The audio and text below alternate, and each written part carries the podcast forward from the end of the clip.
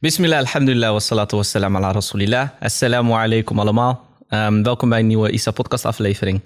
Mijn naam is Brahim en ik uh, ben jullie host van vandaag samen met uh, Samira. Assalamu alaikum, mijn naam is Samira. Uh, ik studeer aan de TU Watermanagement, ook voor docent in opleiding. En nog een paar andere dingen die niet zo relevant zijn voor vandaag. Dan gaan we terug naar Brahim. Yes, en uh, onze gast van vandaag is uh, Halil Karaslan. Assalamu alaikum. Alaikum salam. Hoe is het? Goed, fijn dat ik hier mag zijn. Welkom. Voor de kijker misschien niet zichtbaar, maar wat later dan gepland. Ja, precies. Maar uh, ik ben er in ieder geval. Je komt net dus, uh, terug van een reis. Ik kom net terug van een reis. Ik ja. ben letterlijk net geland. Ja. Mashallah. Dankjewel ja. voor je tijd dan. Ja, nee, jullie bedankt voor de uitnodiging. Zeker weten. Halil, je bent uh, docent burgerschap op een mbo in Schiedam. Ja, dat klopt. En je hebt speciaal voor jongeren die het door uiteenlopende problemen niet is gelukt om een startkwalificatie te halen en, en dan geef je les. Klopt. je bent oprichter van Kennisindustrie. Dat is een concept waarin je als docent jezelf ondergeschikt aan de wensen en ideeën van je leerlingen en je eigen opvattingen zoveel mogelijk buiten beschouwing laat. En je bent uh, raad van advies bij uh, MSA, Moslim Studentenassociatie ja. Nederland. En uh, tot gisteren was je voorzitter van het, het CMO, contactorgaan ja. Moslims en Overheid. Daar gaan we later nog, nog op in. Um, we willen eerst beginnen met jouw persoonlijke verhaal. Hoe, het, uh, hoe je eigenlijk uh, terecht bent gekomen op de plek waar je nu uh, terecht bent gekomen. Kun je ons meenemen vanaf jouw middelbare schooltijd, eigenlijk ja, door, jou, door jouw loopbaan heen? Ja, ja. Ik, ik, ik zou niet direct weten waar ik moet beginnen, maar ik denk dat het... Um, Laten we ja. beginnen met de opleiding die je hebt gedaan op de middelbare school. Ja, ik zou zeggen, de oorsprong begint in ieder geval in die zin dat mijn opa ooit be besloot te migreren natuurlijk, zoals velen van ons. Kijk, we beginnen bij echt een... En nou, papa op jonge leeftijd meegekomen. En daaruit uh, uh, ben ik voortgekomen, om zo te zeggen. Ja. Uh, ik ben hier geboren en getogen in Rotterdam. woon nog steeds in 010, net naast Rotterdam, in Schiedam. En ik, ik, heb, nou, ik ben wel in Rotterdam echt opgegroeid. Welke buurt van Rotterdam? in het centrum vooral. Oké. Okay. Ja, dus en ik heb nou, na mijn basisschool heb ik toen een VMBO-advies gekregen. En uh, ik weet nog dat ik daar uh, toen best wel van baalde, omdat ik uh, toen 536 had. Dus valt wel mee. Het had ook HAVO kunnen zijn. Uh, maar ik kreeg een VMBO-advies, met, met name door mijn gedrag eigenlijk toen. Hoe was jouw gedrag? Nou, niet zozeer slecht. Alleen ik zat op een Montessori-school en ik deed dus vanaf groep 5 altijd mee met een hogere groep. Oké. Okay. Maar toen kwam ik in groep 8 en toen moest ik alles nog een keer doen eigenlijk. En ik zat toen inmiddels vier jaar bij dezelfde juf en dat, dat matchte niet meer zo. En ik begon een beetje te puberen. En, uh, en ik had toen al altijd een hele zeg maar, sterke radar tegen onrechtvaardigheid. Dus op het moment dat ik vond dat ik onrechtvaardig behandeld werd, kon ik daar wel eens wat van zeggen. Uh, maar ja, zodoende op het uh, Libanon Lyceum terechtgekomen. Dat was um, ja, toen nog een, ja, had je een soort schakelklas, zeg maar. Dus ik kwam wel in een gemixte klas van VMBO, HAVO, VWO. Een brugklas eigenlijk heet dat. En um, uh, ik had daar de mogelijkheid, als ik goede cijfers zou halen, om dus naar een HAVO-VWO of een VMBO-HAVO-klas te gaan. Het werd uh, VMBO-HAVO en in de derde werd het VMBO. Dus eigenlijk MAVO eigenlijk, zoals we dat toen noemden. VMBO-T. VMBO-T. Um, VMBO gedaan. Eigenlijk best wel makkelijk ook. Um, tijdje was er ook in 3 HAVO even de vraag, uh, 3 MAVO de vraag of ik kon switchen naar 4 HAVO. Ook niet, net niet gelukt. Naar mijn idee onterecht toen ook. Daar was ik heel boos over. Maar het had zo moeten zijn. En uh, dus mijn MAVO gedaan. Op een andere school vervolgens de HAVO gedaan. En uh, daarna HBO. Ja. En uh, inshallah volgend jaar of het jaar daarop ga ik dan weer beginnen aan mijn master. Inshallah, ja. mooi. Al uitgestippeld welke master dat gaat worden? Niet helemaal, maar mezelf kennende tenminste. Dat is altijd altijd zoeken. Maar ik denk in de, in de, in de richting van sociologie. Uh, iets in die kant. Dus kan ook iets met politieke wetenschappen, maar wat aansluit op mijn vak dan maatschappijleer. Uh, of als ik iets totaal anders ga doen, ga ik toch meer, meer richting de religie, religiewetenschappen. Maar dan zal het minder een carrière move zijn, maar meer. Voor je eigen ontwikkeling. spirituele ontwikkeling, ja, om het ja. zo te noemen. Ja. Dus ik zit tussen die twee uh, richtingen even te zoeken nog. Ja. Succes met je keuze. Ja. Nou, wat wel interessant, je hoort vaak mensen zeggen van ja, master kan altijd nog. Ja. En jij doet dat dan ook echt. Wat was de overweging om toch een master te gaan doen? Nou, uh, enerzijds een persoonlijke. Dus gewoon dat, dat ik als jongetje op het VMBO tegen mezelf zei van... Nou, ik moet dat ooit halen. En ik ga al die mensen zeggen die, die zeiden dat ik dat niet kon... tegen bewijzen. bewijzen. Ja. Uh, anderzijds van uh, vier nou, jaar lang. Niet, niet zozeer de juf, maar ook enigszins soort van nee, een soort mezelf opgelegde druk Eis. vanuit de maatschappij of zo. Zo van, weet je, ik wil niet dat altijd dat VMBO-jongetje blijven. En terwijl er niks mis is met het VMBO. En het is ook voor mij niet een lage opleiding. Alleen ik dacht altijd dat ik meer kon en dat er gewoon meer in mijn mars zat. En eh, dat wil ik gewoon doen. En, en, in, en in, in ons gezin, eh, laten we zeggen mijn zus, ik, mijn broertje... en ook zeg maar eh, een beetje neef-nichten... eh, hebben we inmiddels wel veel mensen die HBO hebben gedaan... maar nog niet zoveel die master hebben gedaan. Ja, Dus precies. in die zin wil ik ook gewoon een goed voorbeeld zijn eh, voor mijn kinderen... en, eh, en eh, andere neef-nichten, Heel inshallah. mooi. Maar Ja. kan je hier dan zeggen dat, eh, dat je het onderwijs ook als een, middel, als een verzetsmiddel zit? Dus een beetje een verzet tegen bepaalde clichés of bepaalde ik denk, beelden? ik denk dat door jezelf op te leiden, door jezelf eh, in die zin letterlijk hogerop te werken of te studeren, jezelf ook enigszins kan verzetten in de maatschappij. Ik bedoel, ehm, door de posities die vele moslims, maar ook eh, andere, laten zeggen, minderheden tegenwoordig bekleden, eh, versterk je gewoon je positie. En dat merk je in alles. Eh, dat merk je aan eh, bewijs van. eh, of juist niet, als je bijvoorbeeld afwezig bent in het lobbyen of afwezig bent op bepaalde posities, dat je geen eh, vuist kan maken. En ik denk dat we op die posities nog wel eh, slagvaardiger kunnen zijn, ook wel meer een gemeenschap kunnen zijn. Eh, maar ik denk zeker dat we dat nodig hebben. En, en ja, dat begint bij jezelf. En, en, en in die zin merk ik bij mezelf dat als docent ik tot op bepaalde hoogte uitgegroeid ben. Ja, dan, dan hoort de master erbij om de volgende stap te maken. Ook omdat ik merk dat er toch wel plekken zijn ja, die daarom vragen. Eh, dus dat ook, dat is ook een motivatie. Dus ik ben nog 30. Dat vind ik nog wel jong. En dan denk ik van, nou, ik heb nog zoveel jaar te gaan in het werkveld. En dan weet ik niet of dit zeg maar mijn piek moet zijn. Ja. precies. Dus ook, ook om die reden wil ik mezelf gewoon uitdagen om een eh, master te doen. Ja, Ja. puur vanuit praktische overwegingen dus ook. ook, ook praktische, zeker, ja. Waar ik benieuwd naar ben, wat voor ehm, middelbare schoolstudent was je? Scholier. Ik was een hele rustige, verlegen jongen. Eh, ben ik tot op bepaalde hoogte eigenlijk nog steeds wel. Ik ben niet iemand die heel makkelijk, zeg maar, eh, zoals dat in het Amerikaans zeggen, chit-chat, zeg maar, hele, zeg maar, dat small talk. Of, eh, of van, hé, hey, joh, weet je, laatst had ik dit en dat je dan heel verhaal vertelt. Of in nieuwe gemeenschappen ben ik ook wel veel kat uit de boom kijken. Maar als ik moet praten over thema's die mij liggen, dan, dan zeggen mensen vaak juist van je praat te veel. Dat was ik toen ook wel. Maar ik- in de brugklas en in de middelbare school was ik tot aan drie VMBO eigenlijk wel een hele ja, onzichtbare jongen. Met plat haar, zo'n kuit. Ik was ook eh, wat dan dat ik We, nu we was. gaan geen foto's eh, nee, laten nee, zien. nee, geen foto's bij me. Gelukkig maar, denk ik. Ja. En hoe kwam die Ehm, verandering op gang? Nou, ik denk, ik, denk ik, ik was een, ehm, een rustige jongen. Ik was ook in die zin zeg maar niet veel op straat of zo. Of, eh, of, of, of bij wijze van elke dag aan het voetballen. Ik keek heel veel films. Dat was ook mijn hobby. Ik, ik, eh, ik, eh, ik verzamelde dvd's. Eh, in het begin veel ook vechtfilms van eh, Bruce Lee en dat soort personen... Die, die ook echt mijn rolmodellen waren. Verkocht ook? Eh, later, te- eh, ja, het moet van mijn vrouw, moet ik ruimte maken. Eh, op, op Koningendag eh, wel verkocht ook. Oké, ja, precies. Met pijn en moeite. Eh, maar ik heb nog een grote collectie thuis. En dat was zeg maar mijn escape naar een andere wereld. En, eh, en daar had ik ook eh, ja, op een gegeven moment heel veel serieuze thema's. En, en ook zeg maar, als je het dan hebt over verzetshelden en zo. Ook films soms van mensen dat ik dacht van, oh wow, dit vind ik wel interessant. En, eh, en, en ja, en, en ik noemde bijvoorbeeld Bruce Lee. Veel kennen hem alleen van zijn vechtfilms. Maar ik, op een gegeven moment ga je dan ook documentaires en zo over hem kijken. En dan zie je juist leven. ja. dat zijn grootste verzet was een super, eh, niet zozeer superheld in mijn ogen misschien wel, maar een actiester zijn. Dat in die tijd eh, niet weggelegd was voor iemand van Aziatische komaf. Dat was per definitie een witte man.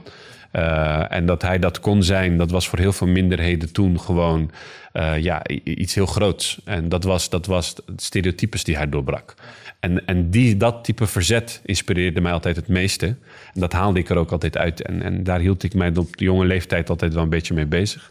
Ja, En een van jouw rolmodellen is Malcolm X. zeker. Was dat in die Ja. tijd ook al, eh, ook al? Malcolm X kwam voor mij later. Malcolm X kwam denk ik op een leeftijd dat ik ook wat bewuster werd van bepaalde bewegingen, zeg maar. Eh, ik kende, daarvoor kende ik Malcolm X heel oppervlakkig. Eh, ik vind eigenlijk zoals de meesten hem kennen, oppervlakkig. Dus de meesten delen hem met name eigenlijk ook om zijn quote van de house negro en de field negro. En die gebruiken ze dan vandaag om te zeggen van kijk, dat is een huismoslim en dit is een... Terwijl ik juist denk van, nou, ik denk dat de meeste de grootste boodschap en de grootste les in zijn leven missen is zijn zeg maar voor en eh, Mekka en na Mekka eh, periode. En, en met name de verandering in zijn houding. En ik denk ook zijn eh, groeiproces die hij in de gevangenis heeft eh Zeker, doormaakt. zeker. Kijk, eh, eh, los van, er zijn eigenlijk drie fases. Hè? Dus eh, los van zijn jeugd en de trauma's die hij allemaal in zijn jeugd heeft meegemaakt, heb je dan de periode dat hij dan van daardoor op een gegeven moment ook in de gevangenis terechtkomt. In de gevangenis maakt hij echt een persoonlijkheidsevaluatie eigenlijk mee. En dan sluit hij zich aan bij de Nations of Islam. Nou, dan, dan vindt hij eigenlijk een soort broederschap, een soort islam die ja, niet is zoals wij die vandaag de dag zouden kennen. Ehm, maar daarna uh, want dat is ook een soort islam waarin die zich echt afzet tegen de maatschappij. En afzet tegen eigenlijk alles wat niet uh, donker getint is. Of, een hele exclusieve vorm van... Precies. Uh, en, en, en, niet een inclusieve islam als we het over dat soort termen hebben. En daarna maakt hij een karakterwisseling door, met name door zijn e-, ervaring bij Mekka. En, en daar zie je dan dus ook dat hij vervolgens juist heel erg de hand uitreikt naar iedereen die zegt: Ik ben bereid om met iedereen samen te werken om de situatie te verbeteren. Dus ook met de witte man, waar hij zich zo tegen verzette destijds. Ook zijn reis door de Arabische landen destijds, die hebben hem heel erg veranderd. Ja, en wat mij vooral heel, wat ik heel interessant vind, is dat hij kijkt tegenwoordig bijvoorbeeld, als we tegenwoordig naar mensen kijken en, en bijvoorbeeld dan we zouden iemand aanwijzen en we zeggen van nou, diegene kent alleen Surah Fatiha, misschien nog twee kleine surahs. Dan zouden ze zeggen, ja, ik krijg niet van hem advies aannemen over levensles of wat dan ook. Terwijl Malcolm X alleen die surahs bij wijze van kende toen hij uh, doodgeschoten werd. Hij was nog maar net in zijn fase van praktisering van de Sunni-islam, maar tegelijkertijd zouden we misschien zien sommigen hem als een soort alim, van, van is die ook in mijn ogen, maar van andere wetenschappen. Uh, en wij, wat wij heel moeilijk kunnen als gemeenschap is, zeg maar, we verwachten dat één persoon alle attributen heeft. Hij moet uh, en, uh, en, en de Koran uit zijn hoofd kennen, en bij wijze van maatschappijwetenschappen kennen, en sociologie en dat en dat. En in een ideale wereld kan dat ook. Alleen ik denk dat we daardoor sommige mensen niet op hun waarde schatten en soms, soms advies niet van aannemen, terwijl we dat wel zouden kunnen doen. Maar ik vind het ook mooi wat je zegt, want dat deel van een, alsof een moslim alles moet kunnen iedereen, bijna iedereen in de islamitische gemeenschap is bekend met Khalid ibn Walid, de Sahabi, de metgezel, die uh, op het moment dat hij stierf zoveel uh, wonden op zijn lichaam had. Niet eens, hij had niet eens één plekje waar geen uh, wond of litteken was van um, al zijn um, ja, veldslagen. veldslagen. Ja. Hij was een hele vooraanstaande commandant ook. En hij maakte zelfs recitatiefoutjes in de kleinste soeras. Dus dat laat ook gewoon zien dat zelfs in de tijd van de profeet iedereen werd gewaardeerd gebaseerd op dienstkwaliteiten en niet op een bepaald beeld waar je aan moet voldoen. Maar ook even terug naar Malcolm X, want ik ben bezig momenteel met een master geestelijke verzorging hier. En we moesten een um, paper schrijven over kwetsbaarheid en dat heb ik toen over Malcolm X gedaan. En dat is vanuit mijn perspectief ook gewoon iets wat echt heel erg onderbelicht wordt. Zijn ontwikkeling van crimineel en pooier op de straat naar uh, zo'n vooraanstaand figuur. Um, omdat dat ook een beetje die cliché doorbreekt van als je eenmaal een bepaalde kant op bent gaan, dat je niet kan veranderen. En niet alleen binnen de islamitische gemeenschap, maar ook hoe we kijken of wij in Nederland gevangenen of gedetineerden behandelen. Of bepaalde, uh, of jongeren die bijvoorbeeld um, gewoon uh, als straatjongeren worden weggezet. Daar zit echt een model in om te kijken van hoe, wat is er nodig om iemand echt tot een bepaalde innerlijke verandering uh, te brengen. Ja, en ik denk los van zijn leven zit dat model zeker ook in onze religie. Um, en ik, ik, zou alleen wel durven zeggen, ik weet niet of die zit in onze gemeenschap. Uh, omdat je ziet juist dat daar waar mensen proberen soms van hun eigen fouten te herstellen, was gemeenschap we ze er graag aan herinneren. Van ja, maar hij, uh, van hij kan nu wel zo zijn. Maar, maar weet vroeger... je nog wat hij dit, toen en dit, dit deed? Of ik ga echt niet achter hem bidden. Hij kan nu wel leuk imam spelen, maar vroeger was hij zo. Uh, of, zij, of ik heb haar daar gezien. Of, en dat is echt wel een ziekte die we binnen onze gemeenschap hebben. Als je het hebt, uh, nou, ik maak dat als docent mee, als je het hebt over exposen bijvoorbeeld. Wat gewoon ook veel diepere impact kan hebben, zeker binnen de moslimgemeenschap. Uh, en wat zeker ook voorkomt binnen de moslimgemeenschap. We moeten daarin niet naïef zijn. Wat ook gewoon voorkomt binnen islamitisch onderwijs. Dus niet zo van, nee, het gebeurt alleen op... Nee, het gebeurt gewoon overal. En op het moment dat, dat bij ons... Laat staan dat je als persoon die schaamte al moet meemaken... maar dat je ook nog als gemeenschap eroverheen valt... en dat je dan allerlei dingen zegt... of een, een beeld creëert van... Hè, jouw leven kan nooit meer normaal zijn... omdat iedereen in de gemeenschap je nu gaat labelen... Ja, daar heb ik echt grote moeite mee. Ik heb er ook grote moeite mee dat we alle jongeren, vooral met name jongens, vrij waren die dat allemaal doorsturen. Soms zijn groepsapps tot aan toe. En daar vervolgens niks over zeggen. En niet hebben over het recht van de persoon. Uh, die jij daarmee eigenlijk koudt en verspreidt. En uh, in plaats van bedekt.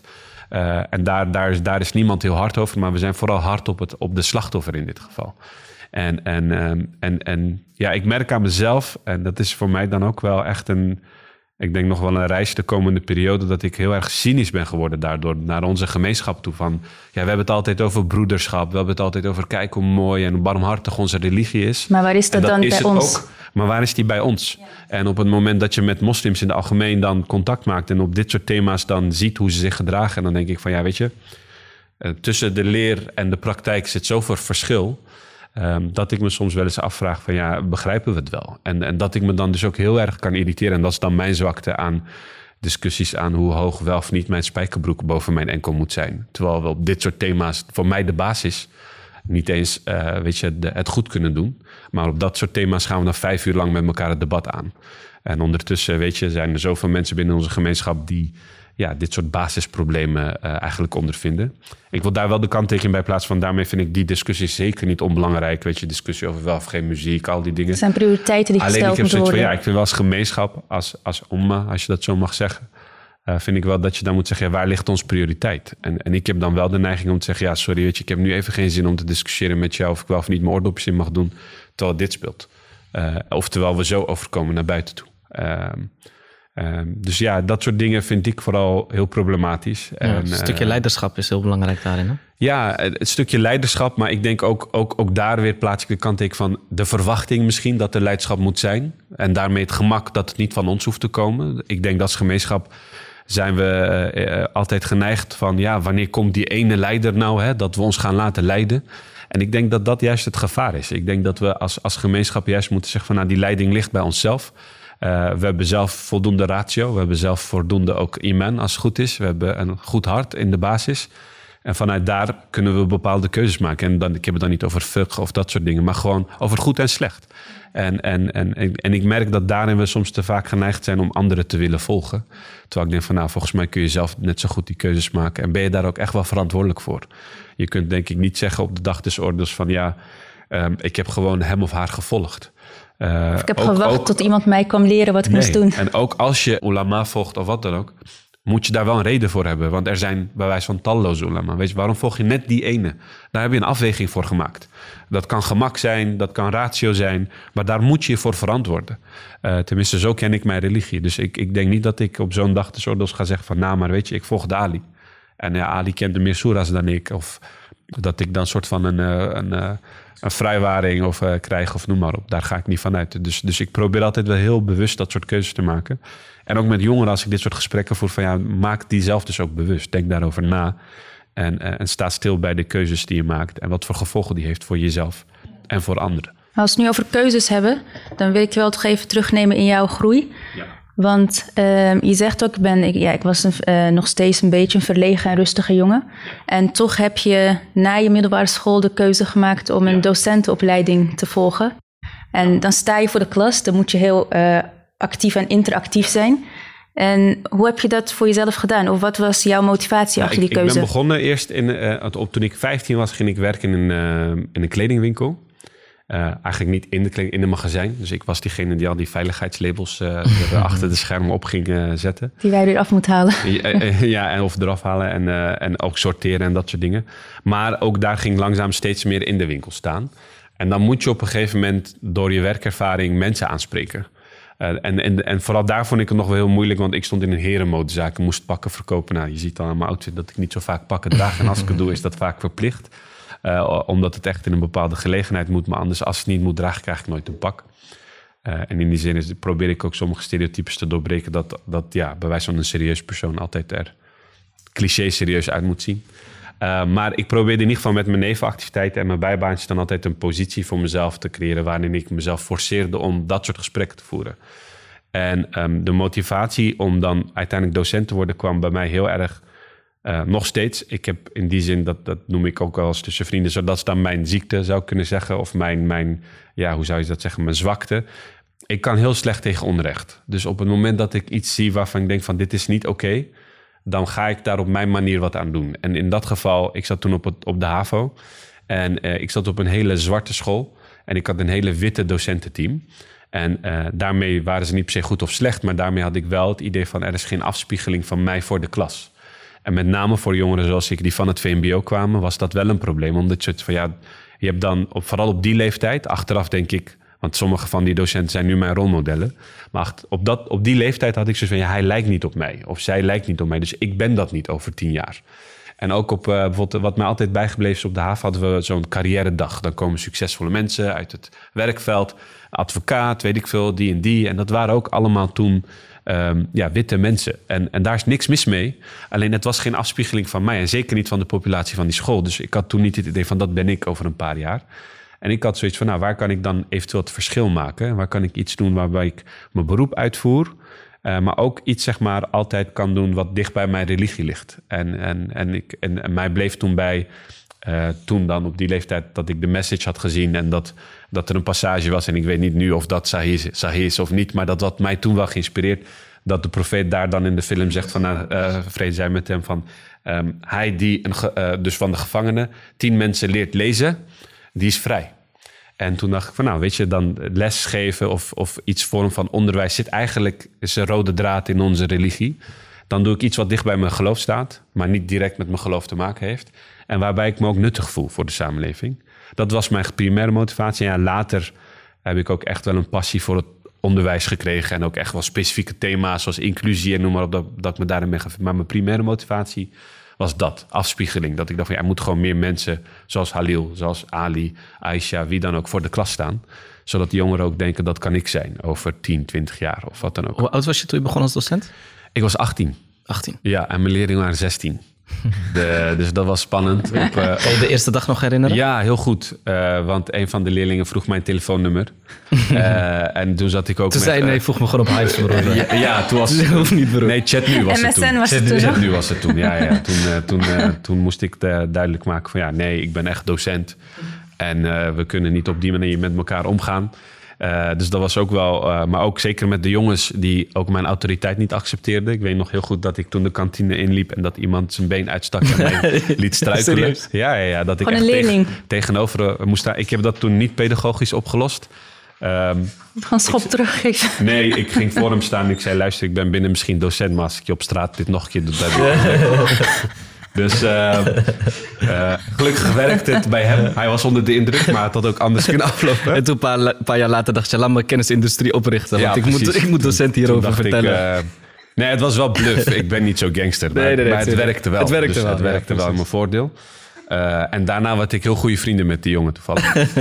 maar uh, ja, dat zijn de leuke ervaringen. Dat soort dingen vergeet je nooit. Maar ik was 18 toen ik begon. Dat zijn wel leuke gesprekken als je met hem zit. Weet je nog dat je me gevloerd ja, ja, had, broer?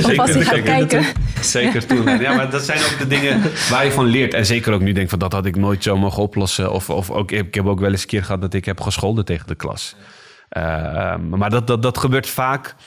Uh, dat was heel grappig, juist bij die klas waar ik zeg maar heb gescholden. Ik weet nog dat dat een... Um, ik zal niet zeggen bij welke school dat was, maar dat was een klas. Dat was, uh, laten we zeggen, een beetje een uh, allochtone klas. Dus vooral waar de allochtone jongeren in zaten. En, ik, uh, en, en, en ik, ik, ik, was juist heel erg begaan met die klas. Want ik had zoiets van, ik wil dat jullie het goed doen. Want ze kwamen vooruit een deel van de stad van, een deel van Rotterdam... waar het ook, zeg maar, sociaal-economisch wat minder is. En ik had zoiets van, weet je, jullie moeten juist. Weet je, jullie moeten daaruit komen in de zin van... ontwikkel jezelf verder. Jullie kunnen zoveel meer. En een keertje werd ik boos en toen zei ik van ja, jullie zijn echt een allochtone klas, zei ik zo. En, uh, en ik werd echt boos. En, uh, en dat mag niet hè, als docent. Ja. Ook als je boos bent, 9 van de 10 keer, speel je gewoon. Dus daarom kan je ook twee seconden later gewoon relaxed zijn. Je bent nooit echt boos. Maar die dag werd ik echt boos. En dat weet je ook van als je het meeneemt naar huis als docent. Dat is niet goed, want dan ben je gewoon oprecht geraakt of oprecht boos. Zit je er te emotioneel ja, in? En zit je er te emotioneel in. Um, het grappige was, dat die klas, want ik ben eigenlijk heel streng voor die klas geweest altijd. Uh, dat, want daarna, weet je, tafels uit elkaar, een soort van strakke regime en uh, niet met elkaar praten. En toen zei één iemand uit die klas, want ik, wist gewoon dat als ik dit bewijs van bij een witte klas had gedaan, of bij een klas met hoger opgeleide ouders, dat is het eigenlijk vooral, had ik zeker die dag daarna een mail, mail gehad of een klacht gehad of wat dan ook. Maar die leerlingen, daarna, dat, een week daarna zeiden die leerlingen... want op een gegeven moment klaagde ik zelf over mijn lesgeven... van ja jongens, dit vind ik ook niet leuk. Want zo ben ik niet. Ik hou van relaxte lessen en dit dan ook. En toen zeiden ze van ja, maar wij vinden het niet erg... want we weten dat u streng voor ons bent omdat u van ons houdt. Want u bent echt met ons begaan. En dat zijn dan van die momenten dat ik van binnen... bij wijze van subhanallah zeg, weet je wel... dat ik dan van ja, weet je wel mooi dat ze in ieder geval zien Van ik ben niet zozeer boos of omdat ik uh, geen orde krijg of omdat ik, maar omdat ik oprecht denk van het. er zit zoveel meer in jullie, weet je, van, van haal het eruit en, en dat, dat maakt je dan oprecht ook verdrietig. En in dit, op dat moment ook zat, het, zat ik misschien te dichtbij op van uh, zo van ja, mensen die bij wijze van op mij lijken en, en jullie kunnen zoveel meer. En, dat is, en een deel van de maatschappij verwacht dit gedrag juist van jullie. Weet je, laat dat anderen zien. En, en ja, een deel heeft dat opgepakt, een deel ook niet. Maar dat zijn, dat zijn van die kleine overwinningen in het onderwijs die, die het leuk maken. En, ik, waarvan ik soms zelfs ook tegen anderen die wel eens denken van... moet ik het onderwijs in? Dat ik denk van ja, dat moet je proeven. Dat, dat moet je leuk vinden. Als je dat niet leuk vindt, ja, doe het dan ook alsjeblieft niet. Uh, want je kan jongeren ook echt beschadigen, zeg maar, door juist niet goed voor de klas te staan. Ik kan me heel goed voorstellen. En het is een uh, hele directe vorm van leiderschap natuurlijk. Want je staat ervoor, je krijgt directe feedback ook. Ja, op wat zeker, je aan het doen zeker bent. voortgezet onderwijs. Kijk, nu, nu zit ik op het MBO, dus de studenten die zijn toch al wat ouder. Ze zijn meer gevormd, ze hebben een mening, ze zijn ergens voor of tegen. Maar zeker tussen 12 en 16 ja, ben je echt, echt autoriteit. En, en ik, ik testte dat ook altijd. En ik probeerde ze daar ook altijd in de lessenmaatschappij bewust van te maken. Van, wees je ervan bewust dat ook wat ik zeg niet per se waar hoeft te zijn. Uh, of, of wat in de methode staat, hoeft niet per se waar te zijn. Ik zeg niet van wees wantrouwerig. Maar check het even. Controleer het gewoon. Zoals eigenlijk iedere persoon bij wijze van in die branche dat doet. Uh, dus wat ik dan tijdens debatten wel eens deed, dan, I don't know, ging over de zorg of, of wat thema dan actueel was, ging ik het debat pauzeren en dan, uh, tenminste wanneer ik dat dan nog niet had gedaan, anders weten ze dat inmiddels. Zei ik van, nou weten jullie trouwens dat uit onderzoek is gebleken dat weet ik veel 50% van de mensen die last hebben van kanker, dat komt doordat ze te veel tomaten eten. Weet ik veel, I don't know. Ik verzin dit nu ook te plek hoor, maar... Maar wat, dat wat? Geen feit, geen feit. 50% nou, wat je dan zag, de persoon die daar bij wijze van mee eens was... die ging dan in het debat ineens zeggen van... nou, en 50% dus we moeten tomaten verbieden. Nou, en dan weet je op een gegeven moment weer het debat stilleggen... en zeggen van, nou weet je, waarom neem je dat van mij aan? Ja, maar u zegt dat toch? Ik zeg, maar dat is dus het gevaar van mensen met autoriteit. Een premier kan dat zijn, ik kan dat zijn. Op het moment dat je dan een imam kan dat zijn, denk ja, maar als die imam het zegt, als, als, of als meneer Karaslan het zegt, of meneer K, zoals sommigen mij noemen, dan, uh, dan zal het wel waar zijn. En ik probeer juist de jongeren de les in mijn lessen dan mee te geven van, uh, prima, neem het aan of neem het tot je. Maar zorg er wel altijd dat je het soort van zeeft. Of dat je in ieder geval checkt. Een soort van check, uh, feitencheck doet. Van klopt het wat hij zegt? En nou, in veel terugkoppelen naar religie zou dat dan zijn van... nou, een imam kan een preek geven. Daar kan je het mee eens zijn, daar kan je het mee oneens zijn. Maar zorg voor jezelf dat je dat even ook uh, toetst. Misschien bij iemand, als je dat zelf niet kan, bij een andere. Dat je zegt van nou, hoe, hoe vind jij dat? Of in een groep. Uh, vaak komt daar ook wel een bepaalde barak uit. Als je het met de groep bespreekt. Ook al is je islamitische kennis niet zo hoog. Maar daar zit toch ook een bepaalde dat je dat soort dingen met elkaar toetst. En, en dat, dat is altijd ook mijn basishouding geweest. Dus dat in die lessen, los van de lesstof... want voor docenten is dat vaak een soort andere Koran... Van de methode, oh, alles wat hierin staat moet ik behandelen en het is heilig. Probeer ik juist wat niet in de methode... wat ook wat meer dingen toe te voegen van... oké, wat is actueel binnen de maatschappij? Wat komt er voor in het journaal? Uh, wat schrijft NOS daarover? Wat schrijft de Telegraaf daarover bijvoorbeeld? Of wat schrijft Al Jazeera daarover? Of, uh, of Fox News daarover? En dat zijn hele interessante dingen. En op basis van het niveau doe je dat dieper, doe je dat minder. Uh, dus met, met, met, met, met een VMBO-klas kun je daar over het algemeen, en ik generaliseer zeker niet met elke, elke leerling, maar is het meer, meer het gesprek erover. En bijvoorbeeld met een VWO-student kun je daar meer de analyse over maken. Letterlijk de stukken lezen, markeren en noem maar op. Dus uh, ja, iedere klas heeft zo zijn eigen charmes. En hoeveel tijd wordt er nu besteed op een middelbare school aan maatschappijleer in een week? Hoeveel is wisselend, maar uh, afhankelijk van uh, welke, welke niveau je doet. Bijvoorbeeld op het VMBO doe je het uh, pas in drie VMBO. En dan krijg je het vaak een blokuur. Ehm, maar op de HAVO en op de VWO krijg je dan een 4 HAVO of op 5 VWO vaak. Tenzij je maatschappijleer 2 kiest, dan, dan wordt het een, dus maatschappijwetenschap eigenlijk, dan wordt het een examenvak. Dan heb je het wat, dan heb je het wat meer. Uh, maar naar mijn idee te weinig. Ja.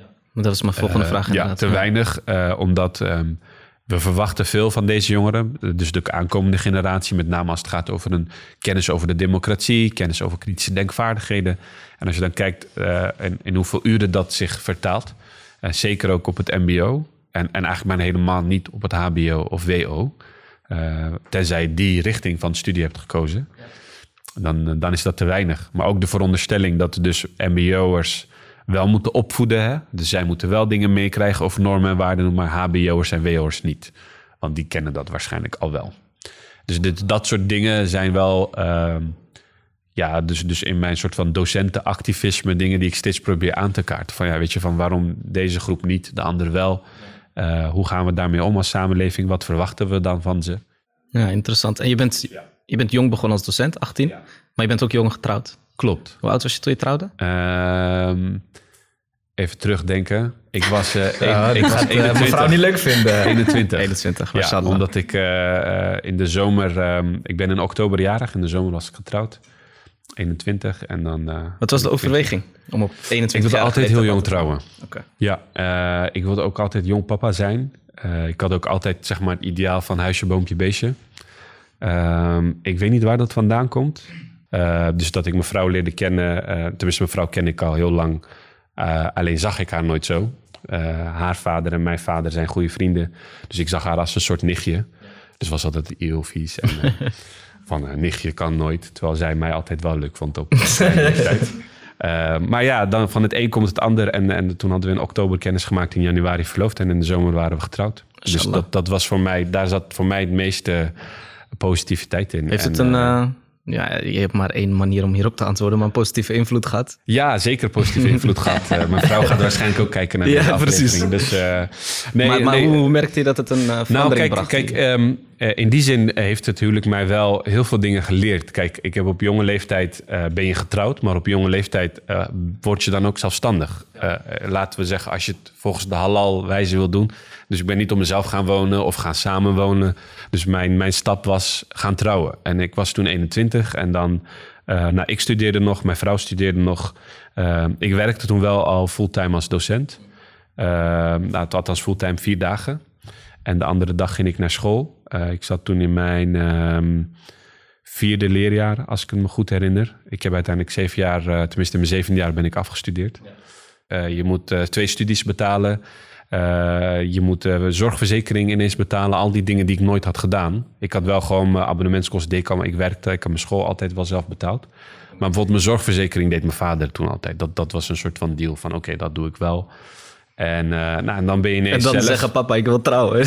ja, nou goed. Uh, maar in die zin, ik had wel een salaris en zo. Dus dat nee, was wel gewoon... Uh, maar, het is wel, het is wel een, een overgang. Ja, het was wel een overgang. Ja. En, en, en ja, dan op een gegeven moment heb je ook maanden dat je, dat je ineens einde van de week bent... of einde van de maand dat je nog maar 5 euro hebt. En dat je zegt, ja, wat moeten we doen? En dan, en dan dat mevrouw toch iets met die 5 euro doet... dat we toch eten en... Uh, ik weet nog dat we een huis hadden van, uh, met enkel glas. Dat, dat, dat we de eerste weken niet door hadden dat na kwart over twaalf in de flat de verwarmingen uitgaan. Dus als je niet verwarmde tot die tijd. Dus dat we letterlijk rookwolkjes hadden in ons huis. Weet je, dat zijn ervaringen voor mij die ik voor geen geld zou willen wisselen, omdat het mij gevormd heeft. Het heeft me dingen doen waarderen. Nog meer ons huis nu. Uh, uh, maar ook nog meer, zeg maar, mijn werkervaring. En, en, en, en die groei die we samen hebben meegemaakt. Maar ook omdat we jong getrouwd zijn, en dat zal zeker zij beamen, heeft zij mij in die zin ook kunnen opvoeden van uh, wat verwachten we van elkaar. Uh, zeker met het huishouden heeft zij mij dan moeten opvoeden. Mm -hmm. uh, maar andersom ook van ja, wat, wat, wat verwacht ik? En, en in de zin van vrijheid, of in de zin van ruimte, of in de zin van hoe we met elkaar omgaan als partners. Je bent natuurlijk zelf ook nog volop eigenlijk nog aan het ontwikkelen. 21, zij was 20. dus, dus je groeit ook letterlijk samen. En ik, ik merk toch wel ook bij vrienden die dat op een latere leeftijd doen. Die ook hartstikke gelukkig zijn. Dus dat doet niks af aan hun geluk. Maar die wel aangeven dat ze, dat ze veel meer moeite hebben met aan elkaar wennen. Uh, die bijvoorbeeld rond hun dertigste trouwen. Omdat je dan zo gewend bent aan je eigen manier. Zeker als je op jezelf bent gaan wonen ook inmiddels. En dan komt er ineens iemand 24-7 bij je. Uh, dus ik zeg zelf altijd, uh, als je de mogelijkheden hebt... Ik zeg wel altijd dat een van de twee op zijn minst een inkomen moet hebben. En dan stel ik studiefinanciering niet mee, dus gewoon je eigen inkomen. Uh, die je moet hebben om wel in ieder geval rond te komen. Uh, en in die zin ben ik traditioneel, vind ik toch wel een beetje dat die verantwoordelijkheid iets meer bij de man ligt. Uh, maar als je dat in afspraak de vrouw kan zijn, in de zin van ja, maar ik ben over twee jaar klaar, I don't know, is dat ook prima, I don't judge. Maar ik zelf had zoiets van, ik wil dat zijn. En dat komt bij mij. Alleen ja, daardoor heb ik wel leren waarderen hoe ik om moet gaan met financiën. Ik heb ook wel leren waarderen ja, om een dak boven mijn hoofd te hebben. En niet dat alles voor mij gedaan. Die, die heb je ook, dat papa alles betaalt. En uh, ja, dat, dat kan ook prima zijn, maar zo wilde ik het niet. En, en dat was voor mij ook een deel van mijn reis... wat mij tot, tot vandaag gevormd heeft. Of mijn vrouw die juist letterlijk... omdat ze niet nog een jaar mijn studie wilde betalen... zei van, je gaat dit jaar afstuderen, of anders hebben we een probleem. Dat soort dingen. Uh, nou, dat, dat, dat, juist de motivatie om af te studeren. Zij heeft netjes haar studie wel in vier jaar gedaan. Mashallah.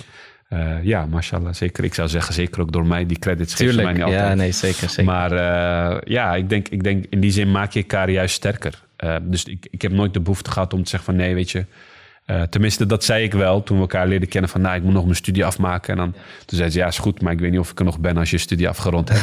toen zei ik, oh, dan moet ik toch wel eens haast gaan maken. Ja, ik vind het wel interessant, ja. want vorige week was... Uh, Is had vorige week zo'n evenement ja. georganiseerd ja. van trouwen en, st uh, en studeren. En toen was ook de vraag van, kan je tijdens je studie al trouwen... of moet je echt een diploma op zak hebben... Maar jij zegt dus gewoon uh, van, het hoeft ik niet. heb het geprobeerd en het, het kan. Het hoeft niet. Kijk, ik ben, ik, ik, ik ben niet, zeg maar, ik hou niet van de gelegenheidsargumenten van, kijk, ik heb het gedaan, dus iedereen kan het. Uh, hoe we bijvoorbeeld in Rotterdam vaak zeggen van, nou, kijk, een burgemeester kan ook um, iemand van Marokkaans komaf zijn of uh, Vidan Ekis kan ook een programma uh, presenteren, dus iedereen kan het.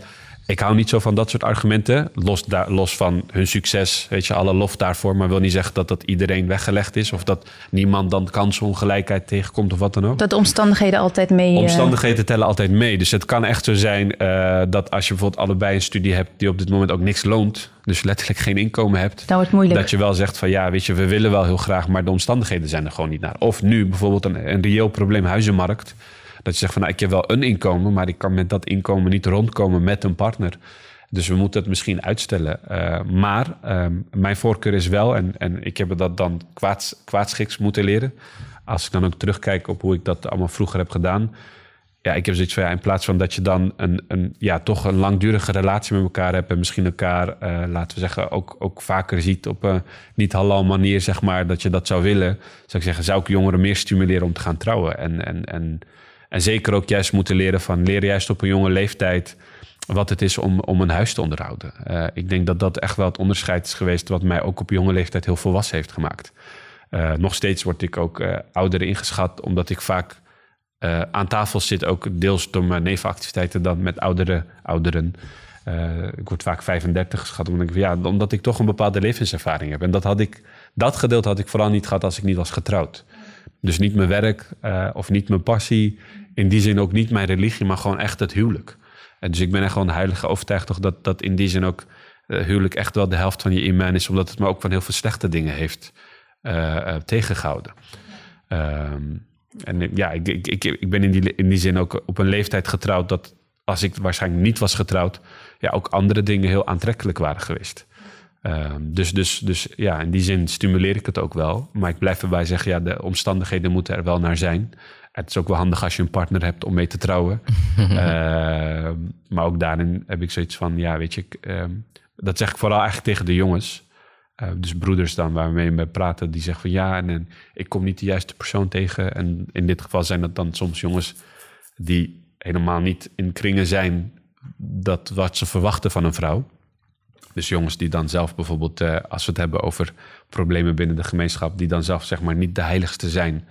En dan zeg je, ja, maar ik zoek een zuster die, weet je, hoofddoek draagt. En, Discipline. Uh, en, en, en, ja, en uh, maagd is tot aan het huwelijk en dit en dat. En dan denk ik, ja, hoe zit dat dan bij jou?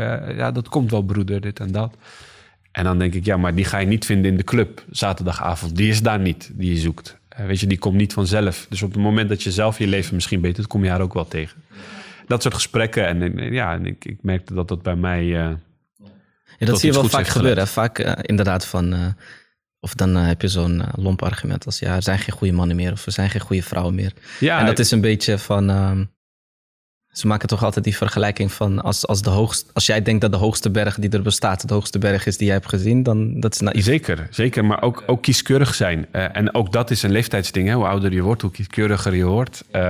dat zie ik ook bij een aantal vrienden terug. Die zijn op een gegeven moment nu zo kieskeurig. Dat ik denk dat van, nou, waarschijnlijk ga jij gewoon alleen het leven door. En dat gun ik ze zeker niet, want natuurlijk is iets heel moois. Um, maar, maar ja, ik denk ook wel in die zin. Kijk, als ik mijn huwelijk nu vergelijk met waar ik zeg maar begonnen ben. En, en, en, de, en, en waar zeg maar zeker wel bumps on the road ook. En die maken je huwelijk eigenlijk alleen maar beter, in mijn geval dan. Ik denk dat ik nu veel gelukkiger ben dan dat ik bij wijze van dag één van mijn huwelijk was. Als ik het nu vergelijk omdat ik mijn partner veel beter ken. Mijn partner kent mij veel beter. We respecteren elkaar ook veel meer in de zin van uh, elkaar ruimte geven. En dat zijn trajecten die je met elkaar uh, uh, moet gunnen. En, en, en ik, ja, ik denk, in, in, ik denk zo'n tien jaar geleden had je veel minder... Of, ja, en ik zat zelf ook niet veel minder in die scene, als ik het zo mag zeggen van die zeg maar islamitische jongerenbewegingen of lezingen en noem maar op. Dat kwam toen een beetje op eigenlijk. Ehm, en ik denk dat er veel meer omgevingen zijn. Ik zeg niet dat, dat iedereen met die reden daar naartoe moet gaan, maar in ieder geval voor open moet staan dat iemand misschien een keer je een tip geeft van hey, ik ken een zuster of ik ken een broeder, is die niks voor jou? Zou u niet dat willen oriënteren? Ik denk ja, waarom niet? Waarom juist niet in deze setting waarvan je weet dat al bij wijze van goede mensen hier naartoe komen, weet je, waarom, waarom niet? Dus niet jezelf uh, hoeven daar niet zo pruts in te zijn, denk ik. En tegelijkertijd, het moet geen datingplek zijn. Uh, maar ik denk dat we als gemeenschap daar best wel de juiste balans in kunnen bewaken. Van ja, weet je, het zou toch mooi zijn als juist mensen elkaar hier tegenkomen. Uh, wetende dat je elkaar juist, juist van elkaar houdt, bewijs van omwille van Allah, omwille van God. Dat was ook onze pact, zeg maar, van ja, weet je, van we houden van elkaar zeker. Maar we houden juist ook van elkaar omwille van onze religie en omwille van wat we daarmee willen doen. En hoe we onze kinderen willen opvoeden en noem maar op. En nog steeds is dat, het, is dat onze leidraad. En, ja, dat is een punt dan ook. Want je bent ook waarschijnlijk vroeg vader geworden. Ja, 25 was ik. Ja.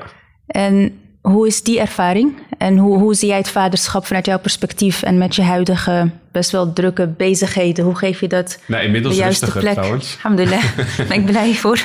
Als je, als, je, als je geen voorzitter meer bent van CMO, dan, dan heb je ineens heel veel ja, meer daar komen we zo meteen. Dus ik zeg ook, uh, ik maak wel eens grapjes van... Uh, ja, ik, uh, ik ga nu een cursus beeldhouden volgen of zo, of schilderen. ik heb ineens zee van tijd. Koken. ja, wie weet, koken of ik kan wel goede broodjes smeren op zich. Sterk. Dus uh, nee, ik, uh, vader worden was voor mij eigenlijk, uh, zeker ook nu. Ik heb het inmiddels twee keer meegemaakt dan. Ik heb drie kinderen, maar dus een tweeling en, en een zoontje van vier. een zoontje van vier en een tweeling van tweeënhalf. jonge meisje. Um, maar zeker de eerste ervaring was eigenlijk voor mij, um, tot op heden dan, het moment dat ik me dichtst bij de schepping voelde. Uh, want ik was erbij, ik heb het meegemaakt. En uh, ja, dat was voor mij ja, nog steeds eigenlijk iets heel wonderbaarlijks. Dat, dat uit twee mensen een andere creatie komt, letterlijk. Niet, en, en, en ja, dat, dat was voor mij ja, nog steeds, als ik daaraan terugdenk... of als ik onze kinderen nu ook wel eens zie... dat we elkaar wel eens aankijken, dat zeggen gek dat dat van ons is. Of dat dat van ons, via ons komt. Natuurlijk mede door onze schepper in die zin van dat hij de creatie mogelijk maakt. Maar gewoon het idee dat het uit jullie of in dit geval ons voortkomt. En ja, dat, dat papa zijn, uh, dat, dat duurde wel ook even voordat dat landde hoor. Want je krijgt een hele andere verantwoordelijkheidsgevoel. Uh, ik, ik ben ook wel een tijdje nog steeds wel eens heel paranoia van bang om dood te gaan.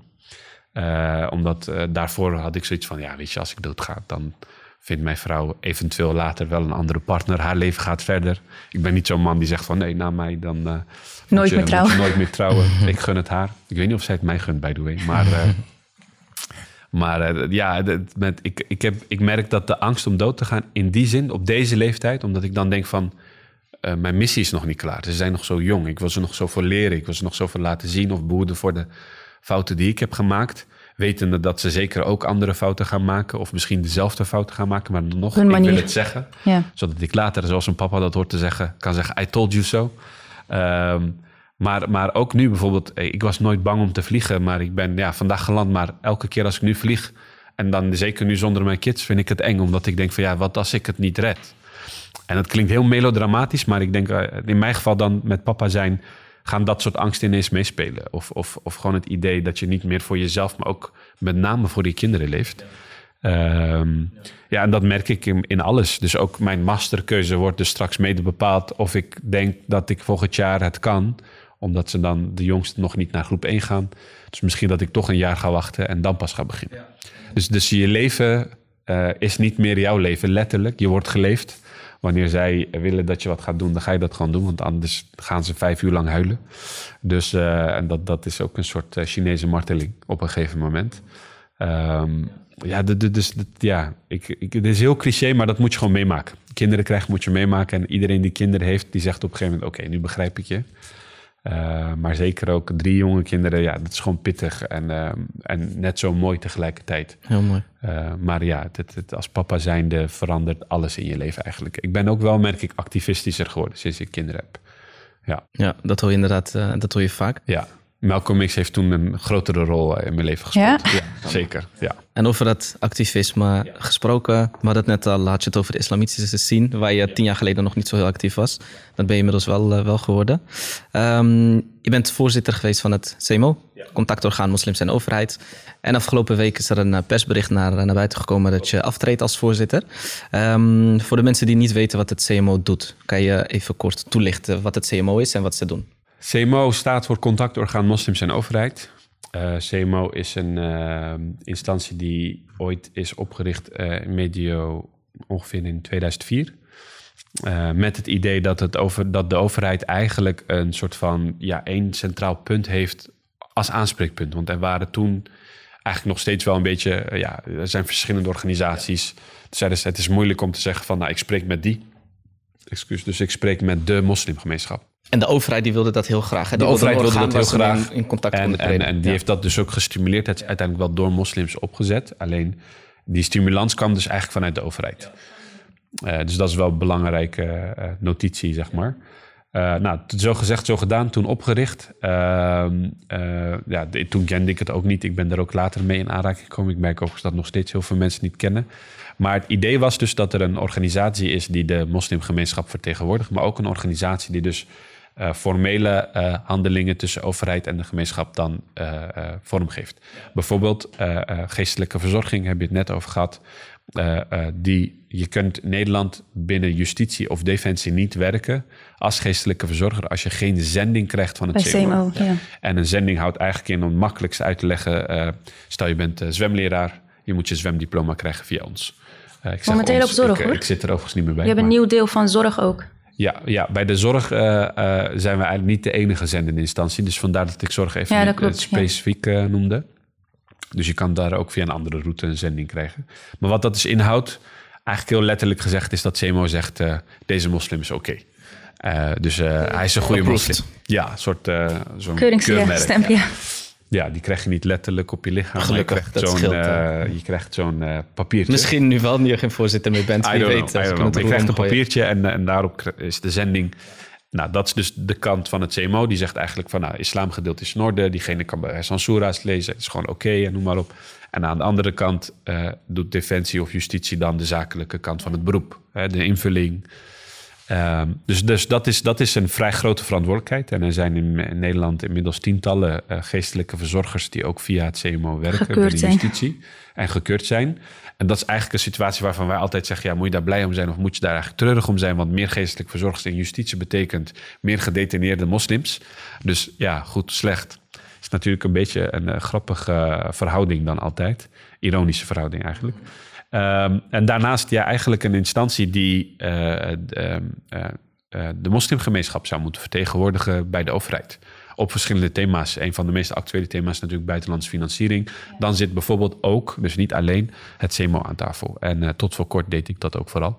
En uh, vanaf 1 maart, dus uh, dat is inmiddels gisteren. Ja, gisteren inderdaad, ja. Niet meer. Ja. En hoe is dat, um, zeg maar, de benadering van jou als voorzitter, hoe is dat proces gegaan? Hoe zag dat eruit? Hoe ik, hoe ik voorzitter ben geworden? Ja, precies. Uh, nou, daar komt een openbaring. Nee. Ja, je, was, je was al actief bij CMO, ja, was, ik was actief. ik ben uh, drie jaar actief geweest bij het CMO. Hoe dat gaat is, je moet sowieso... Er zijn tien aangesloten koepels bij het CMO. En je moet ook via die koepels voorgedragen worden ja. binnen het bestuur. Dus, dus als een willekeurige moslim eigenlijk zegt... ik wil gewoon bij het CMO... dan zeggen ze, nou, bij welke koepel hoor je? Als je nergens bij hoort, dan is de kans eigenlijk ook klein dat je erin komt. Uh, of dat goed of slecht is, is een andere discussie. Maar dat is dus hoe de organisatie is georganiseerd. En dus letterlijk vertegenwoordigen ze ook die tien koepels. Dus niet de moslimgemeenschap, maar eigenlijk formeel dat gedeelte. En daarmee natuurlijk ook de ambitie om de grootste gedeelte van de moslimgemeenschap te vertegenwoordigen. En ze representeren 300 moskeeën. Uh, meer, dan 300. meer dan 300. Uh, ja. ja en hoeveel moskeeën hebben we in Nederland in totaal? Uh, dat is wel echt zo'n quizvraag. Ongeveer, de, ongeveer 500. Ja, precies. Ja. Wel, dus overgrote okay. deel. Alleen daarvan, en dat was ook een van de dingen die ik probeerde te organiseren van. Um, en van, die, van die 300 zijn de meeste dus, dus gewoon op, op, op lijst zo te vinden. Alleen het deel nog niet. Dus ik, zei, ik was daar altijd voorzichtig in. Ik zat van nou, het ligt meer richting de 250 in ieder geval formeel. En uh, het kunnen er meer zijn, maar dat, dat is niet helemaal transparant. Dus ik, ik hield het altijd bij 250. Okay. Um, Maar ja, dat probeer je dan. Je probeert je dan in het maatschappelijk veld uh, kenbaar te maken. en ik ben dus drie jaar geleden toen begonnen gewoon als algemeen bestuurslid. En op een gegeven moment, um, dat was ook altijd mijn motivatie geweest om bij het CMO te gaan. Um, ook toen had je veel jongeren die zeiden van, nou, het CMO doet eigenlijk niet zoveel voor ons. Als ik uh, jongeren dan uh, sprak, over het algemeen, dus vaak studenten eigenlijk, die zeiden van, nou weet je, uh, binnen het CMO voelen wij ons niet gehoord, of in ieder geval niet vertegenwoordigd, of het geluid wat naar buiten komt, vooral herkennen wij ons niet in. daar was ik het toen vooral ook wel mee eens. En toen zei ik van, nou, ik, ga er, ik wil er dan bij om mijn steentje bij te dragen, met de ambitie achteraf misschien, en dat is een discussie ook voor misschien een paar jaar later, of zeggen was dat naïef, was dat realistisch, weet ik niet. Maar wel de ambitie van, nou dan ga ik in ieder geval mijn steentje bijdragen. Uh, nou, ik was toen 27, dus de jongste ook. En eigenlijk ook nog steeds de jongste daar. Uh, althans, nee, er is één collega die is uh, één jaar jonger dan ik. En toen ben je eerst het bestuur ingegaan? Toen ben ik het bestuur ingegaan. En toen heb ik eigenlijk vanaf het begin was mijn pleidooi van... nou jongens, het CMO moet wel anders. Dus uh, we moeten wel naar buiten toe meer treden. We moeten wel proberen dat geluid meer vorm te geven. En ook de slag maken naar een verjonging. Niet zozeer alleen van leeftijd per se, maar van geest. Die meer naar mijn idee paste bij deze samenleving. Die meer ook een houding heeft van uh, jongeren, uh, dat kan zijn ook tweede of derde generatie, maar die hier geboren en getogen is. En die dus ook zoiets heeft van, nou, wij zijn constructief, maar daar waar het nodig is, komen we op voor onze rechten. En, en ik had het idee dat de, laten we zeggen, um, een, een oudere garde in die zin soms wat meer meegaand was. Zeker met overheidsinstanties. Uh, dat, dat was toen ook mijn kritiek. Dat heb ik toen ook eerder geuit. En, en toen heb ik gezegd van, nou, ik wil daarbij. En ik hoop dan dat geluid mee de vorm te kunnen geven. En dat, zo is dat begonnen. En, en, en toen op een gegeven moment ging ik in wat meer commissies. Ging ik me ook wat met meer dossiers mengen en bemoeien. En uiteindelijk uh, ben ik voorzitter geworden. Uh, ja, want je bent in juni 2018 ben je voorzitter ja, geworden. toen ben ik in juni 2018 voorzitter geworden. Niet unaniem, wel met de meerderheid. En, en toen op een gegeven moment uh, ging ik aan de slag. En, en, en ja, het lastige is, het is een vrijwilligersorganisatie. eigenlijk nul budget. Um, ook geen volledige crew, zeg maar. Dus het, het is veel werk alleen verzetten. Ja, en in mijn geval werk, werkte ik ook fulltime. Ik heb ook een gezin. Desondanks wel veel tijd voor vrijgemaakt eigenlijk. En nou, je probeert dan uh, binnen je mogelijkheden... probeer je het geluid in ieder geval naar buiten toe uh, vorm te geven. Daar waar ik dat kon, heb ik dat voor mijn gevoel uh, geprobeerd. Ik zeg niet gedaan. Gedaan is, mag aan anderen over oordelen. Um, en ik heb ook op veel plekken heb ik het ook bewust afgehouden. Omdat, ja, kijk, een nadeel is, en dat is ons gebrek als gemeenschap.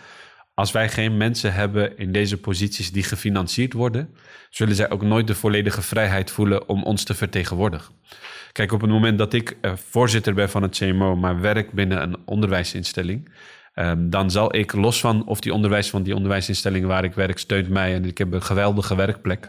Maar desondanks, op het moment dat ik dagelijks in het nieuws straks ben, wat zou kunnen als ik overal ja op zou zeggen, uh, althans nu niet meer, maar in die positie, dan, dan kan ik me voorstellen dat mijn school daar last van ondervindt. Want dat gaat ook over thema's die niks met de school te maken heeft. En ook niks met hun missie of met hun visie te maken heeft. Maar tegelijkertijd, ja, jullie weten allemaal hoe Twitter werkt. Gaan mensen wel mijn school tekenen van werkt deze man bij jullie op school? Hmm. Hij is een gevaar voor de samenleving, omdat ik iets Bouw probeer te nuanceren waar zij het niet mee eens zijn.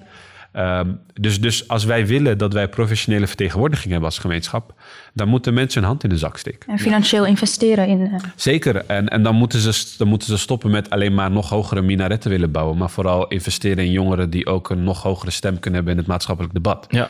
En, uh, en, en, en dat vooral is ook mijn zelfkritiek naar de gemeenschap toe. Van kijk, we kunnen constant klagen over het gebrek of het falen van instanties als het CMO. Maar dat heeft deels ook te maken met ons gebrek aan uh, het willen financieel uh, bijdragen aan dat soort instellingen. Ja. Als het niet CMO is, dan andere, prima. Maar ook, uh, ook deels het gebrek aan mensen bij wijze van bemoedigen om dat voor ons te doen of te steunen voor ons te doen. Kijk, wat ook gebeurd is in het verleden, hebben ook anderen dat wel eens geprobeerd. en die hebben wel eens een, een uitspraak gemaakt waar mensen het niet mee eens waren of die ze niet steunden. En die hebben we keihard laten vallen. En dan denken mensen over, ja, waarom doe ik dit eigenlijk? Ik kan net zo goed bezighouden met mijn carrière. En mijn gezin. Of, of mijn gezin, ja. noem maar op. En dus daarom heb ik ook zoiets van, ja, we zijn als gemeenschap ook, ook daarin weer wel heel hard. Op het moment dat ik een keer één ding zeg, ook in mijn positie wel eens meegemaakt, dat ik denk, zeg ik een keer wat jullie niet leuk vinden. Jullie is dan de crowd. En dan denk ik van, dan word ik daar keihard op aangesproken. Terwijl, weet je, terwijl je mij inmiddels dan kent hè, als public figure. Ja, ik enigszins, ik heb tien keer wel iets gezegd waarvan je denkt van... oké, goed, waarom reken je me dan af op die ene ding? Of op die ene quote? Want soms is het ook letterlijk een quote. denk ik, ja, maar daar vooraf en daarna had ik ook wat gezegd. Maar dat, dat, kwam er niet, dat kwam er niet op. Eh, en ja, en dat, dat, dat, dat is lastig. En op het moment dat je daar dan ook niks voor terugkrijgt financieel... want ja, alles is leuk, vis-à-vis, maar... Dat, dat Het is niet realistisch altijd. Nou, het is zo los van realistisch. Ik heb ook gewoon zoiets van, ik ga het ook gewoon niet meer doen. En we moeten, het ook, we moeten daar ook mee stoppen als gemeenschap. Want op het moment dat jij iets professioneel doet, vraag je daar geld voor. Omdat je daar eh, kunde voor hebt. En daar wordt daar, geld betekent binnen deze maatschappij waardering voor je tijd. En die, je tijd moet je letterlijk vrijkropen. Helaas is dat het systeem. En vis-à-vis mag voor mij zijn dat je zegt... ik ga niet van mijn gemeenschap duizenden euro's vragen. Maar minder wel- vergoeding. Ik wil wel, weet ik veel, reiskosten. Ik wil wel eh, dat ik in ieder geval mijn, mijn huur kan betalen... voor de tijd en energie. En anders ga ik dit gewoon niet doen. En, en ik merk dat bij heel veel mensen dat ook de afweging is. Dat ze zeggen, ja, maar ik wil dat wel doen, maar ik kan het niet... omdat eh, eh, het, het mij te veel kost. Voor studenten ook. Dat ze zeggen, van, ja, ik wil wel bij een studentenvereniging... maar dan mijn toetsen. Eh, en daar vraagt ook wel een beetje dawa... en natuurlijk ook een beetje jihad in de zin van opoffering. Maar tegelijkertijd denk ik van... ja, maar ook vanuit ons mag meer waardering komen... naar dat soort beroepen, naar dat soort mensen... die dat proberen althans. En ehm, eh, dat zou ook mijn oproep zijn... Dat geldt niet alleen voor een CMO of voor andere bewegingen eh, die dat claimen te zijn, die groepen vertegenwoordigen. Dat geldt ook voor ons moskeebestuur. Wij zijn totaal niet kritisch als gemeenschap. Van waar gaat mijn geld naartoe? Wat doen jullie ermee? Hoe vertegenwoordig jij ons binnen de gemeente als moskee zijnde? Wie zit er in het bestuur en waarom? Wat kunnen deze mensen? Spreken ze Nederlands überhaupt? Deze vragen stellen we eigenlijk helemaal niet. Eh, we hebben het er graag over binnen, eh, weet je, misschien zelfs terwijl we in de moskee zitten. Van, ja, dit bestuur deugt niet, wat dan ook. Maar hoeveel van ons gaan kritisch naar het bestuur toe en zeggen van, weet je, als dit niet verandert, dan willen wij gewoon eh, als gemeenschap eisen wij verandering. Of dan stellen wij gewoon vast dat deze groep ons niet vertegenwoordigt, want jullie luisteren helemaal niet naar Of ga je zelf in het bestuur? In de periode dat ik bij het CMO zat en ook als voorzitter bij het CMO, dat heeft geen één persoon mij een mail gestuurd van waarom is dit zo? Of jij zegt het wel, maar ik ben het hier niet mee eens. Of, eh, of hoe, durf jij namens mij te praten of wat dan ook. Of geen één. Dus, eh, dus in die zin kan het, kan het ook een positie zijn dat als ik het langer had gedaan, misschien die mij heel erg het gevoel geeft van, oh, iedereen vindt het oké wat ik doe. En dan ga ik straks dingen zeggen waarvan mensen misschien wel zeggen van, ja, maar dat is helemaal niet ons geluid.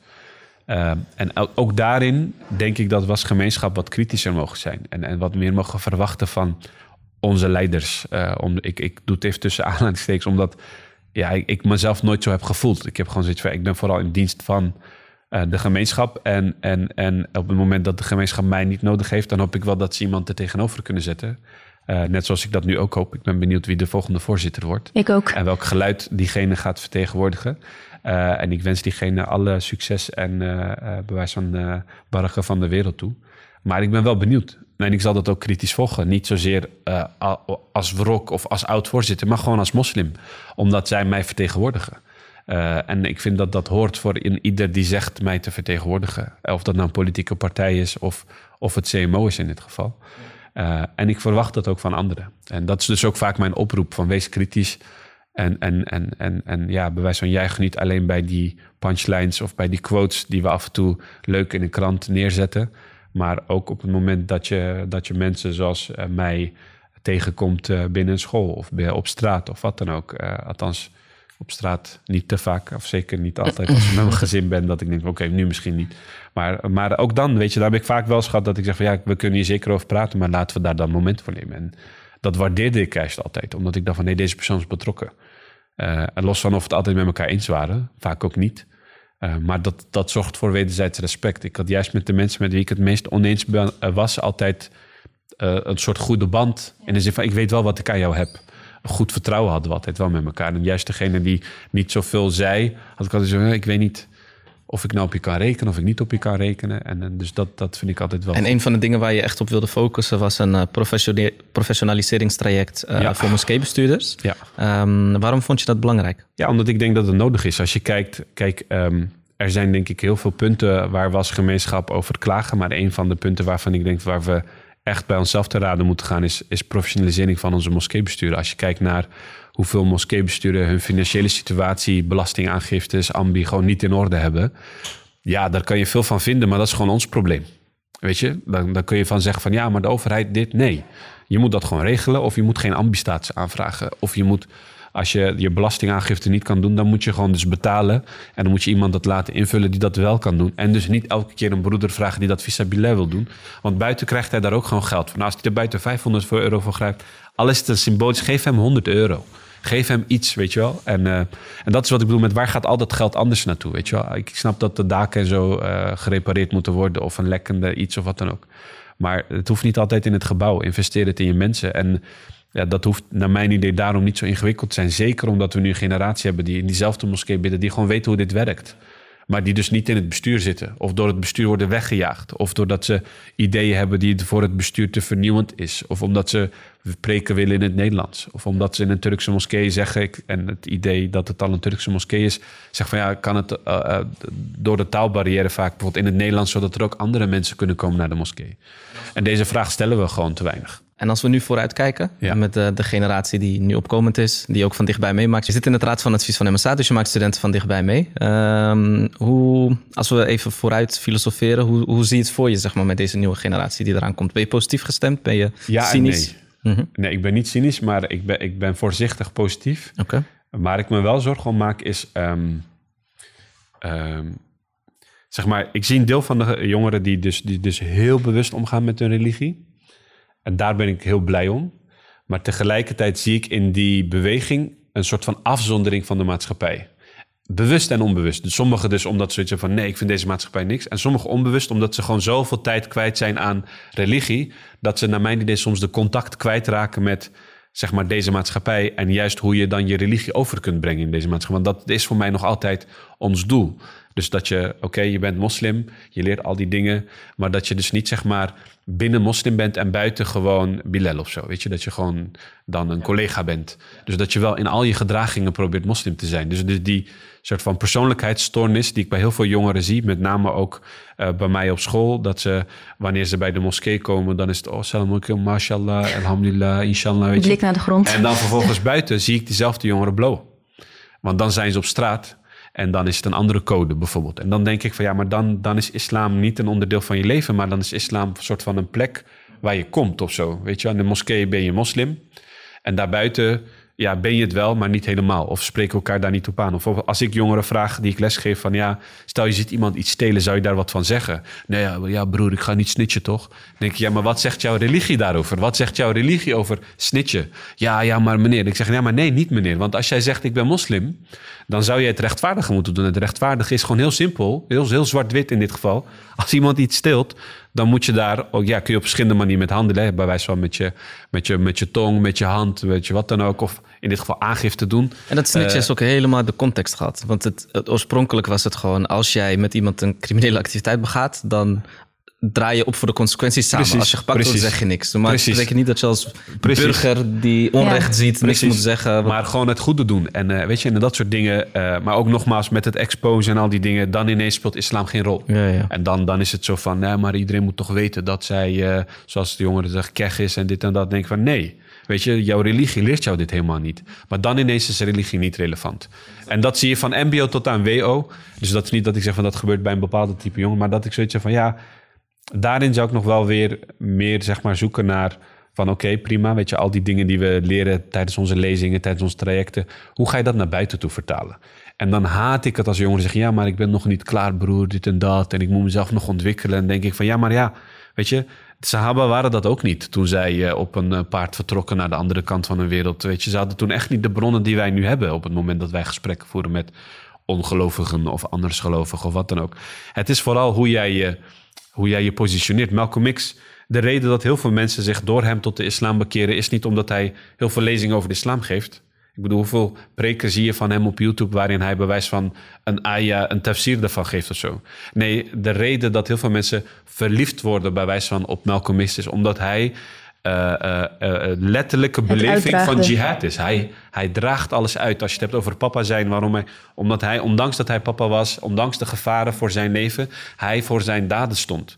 Daar, daar worden mensen verliefd op. En dat zijn de dingen waar mensen vaak van denken van, maar waar, waar geloofde hij eigenlijk in? En dan gaan ze de islam bestuderen. En dat hoeft hij niet meer uit te leggen. Dat doet de islam voor zichzelf. En datzelfde geldt voor ons. Op het moment dat wij buiten lopen en uh, bewijs van een goede achlaak hebben. Op het moment dat je collega denkt, dat is een betrouwbare collega. Maar hoe komt dat? En je dan tijdens zo'n vraag beantwoordt, dat komt eigenlijk door mijn religie. En dat diegene dan wilt leren over je religie. Dat zijn de momenten dat je je religie het mooiste kunt uitleggen. Niet door bewijs van uh, alleen met gelijkgestemde te knikken van ja, onze religie is inderdaad heel geweldig. Juist de gesprekken die ik soms had met christenen of met andere gelovigen maakte dat ik mijn religie nog meer waardeerde of in een andere daglicht kon zien. Uh, of het bijvoorbeeld het verhaal van, uh, van, uh, van Ismaël en Abraham of van Ibrahim salam. Dat, dat, hoe dat in de Bijbel wordt verteld, hoe dat in de, de, islam wordt verteld, in de Koran wordt verteld, geeft mij andere inzichten. En, en, en, maakt juist dat ik in dit geval ons verhaal dan meer waardeerde.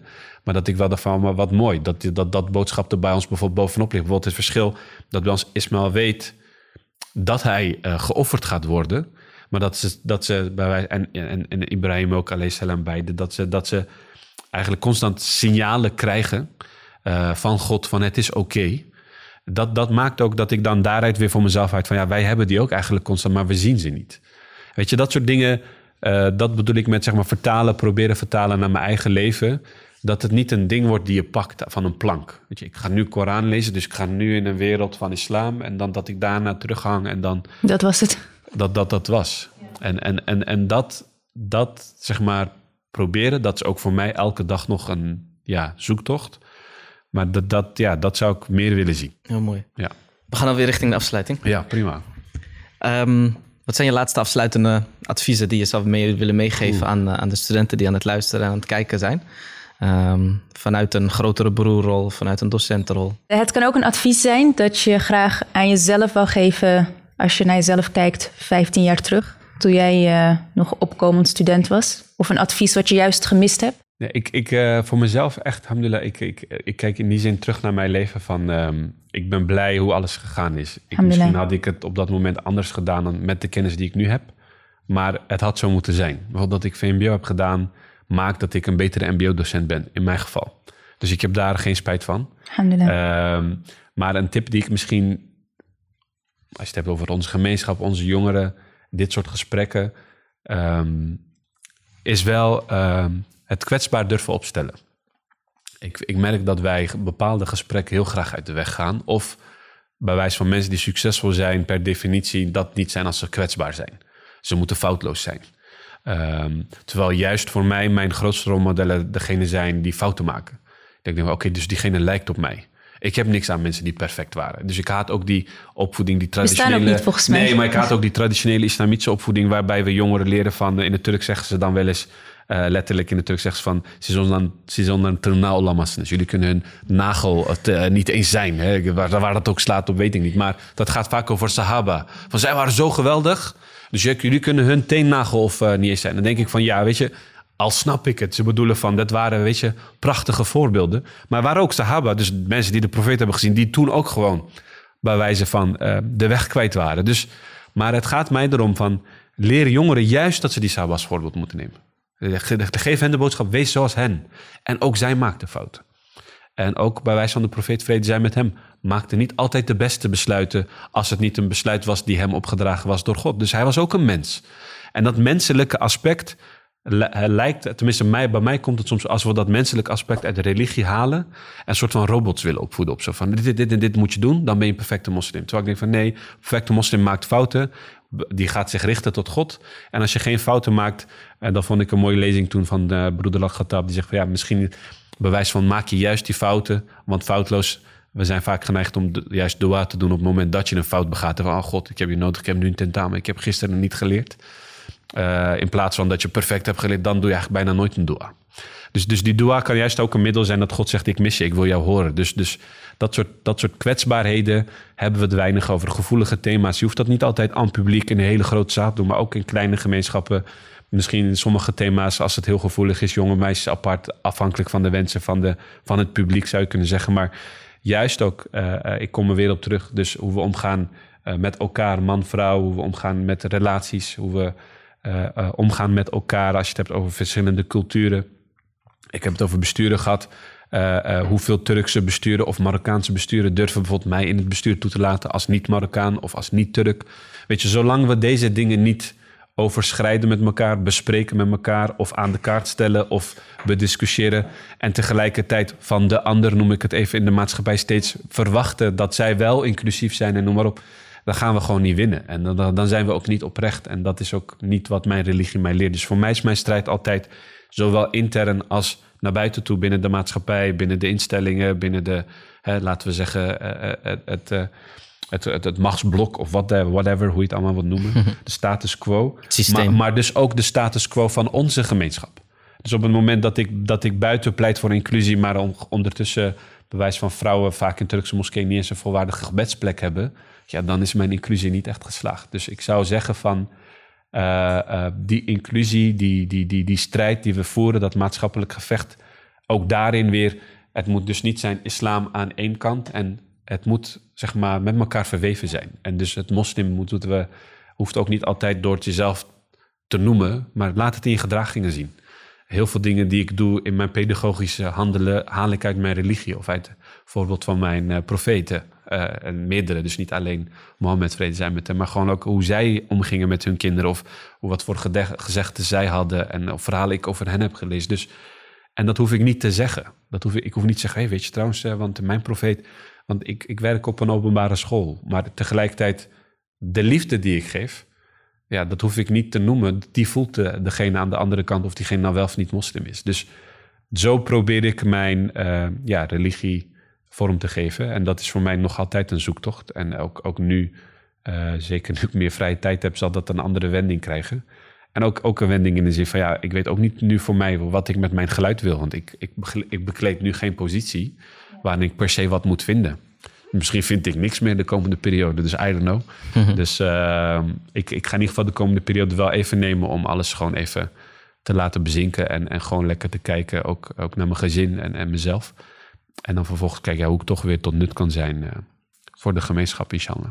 Ja, wens je oprecht heel veel succes. En nogmaals bedankt dat je tijd vrij wou maken om um, met ons in gesprek te gaan. En ook om zoveel nuttige inzichten te delen met onze luisteraars en uh, ja. kijkers. Yes, en dan uh, ga ik hem afsluiten. Oké. Okay. ja, kijkers, luisteraars, bedankt voor het kijken. Luisteren. Um, سبحانك اللهم وبحمدك اشهد ان لا اله الا انت استغفرك واتوب اليك السلام عليكم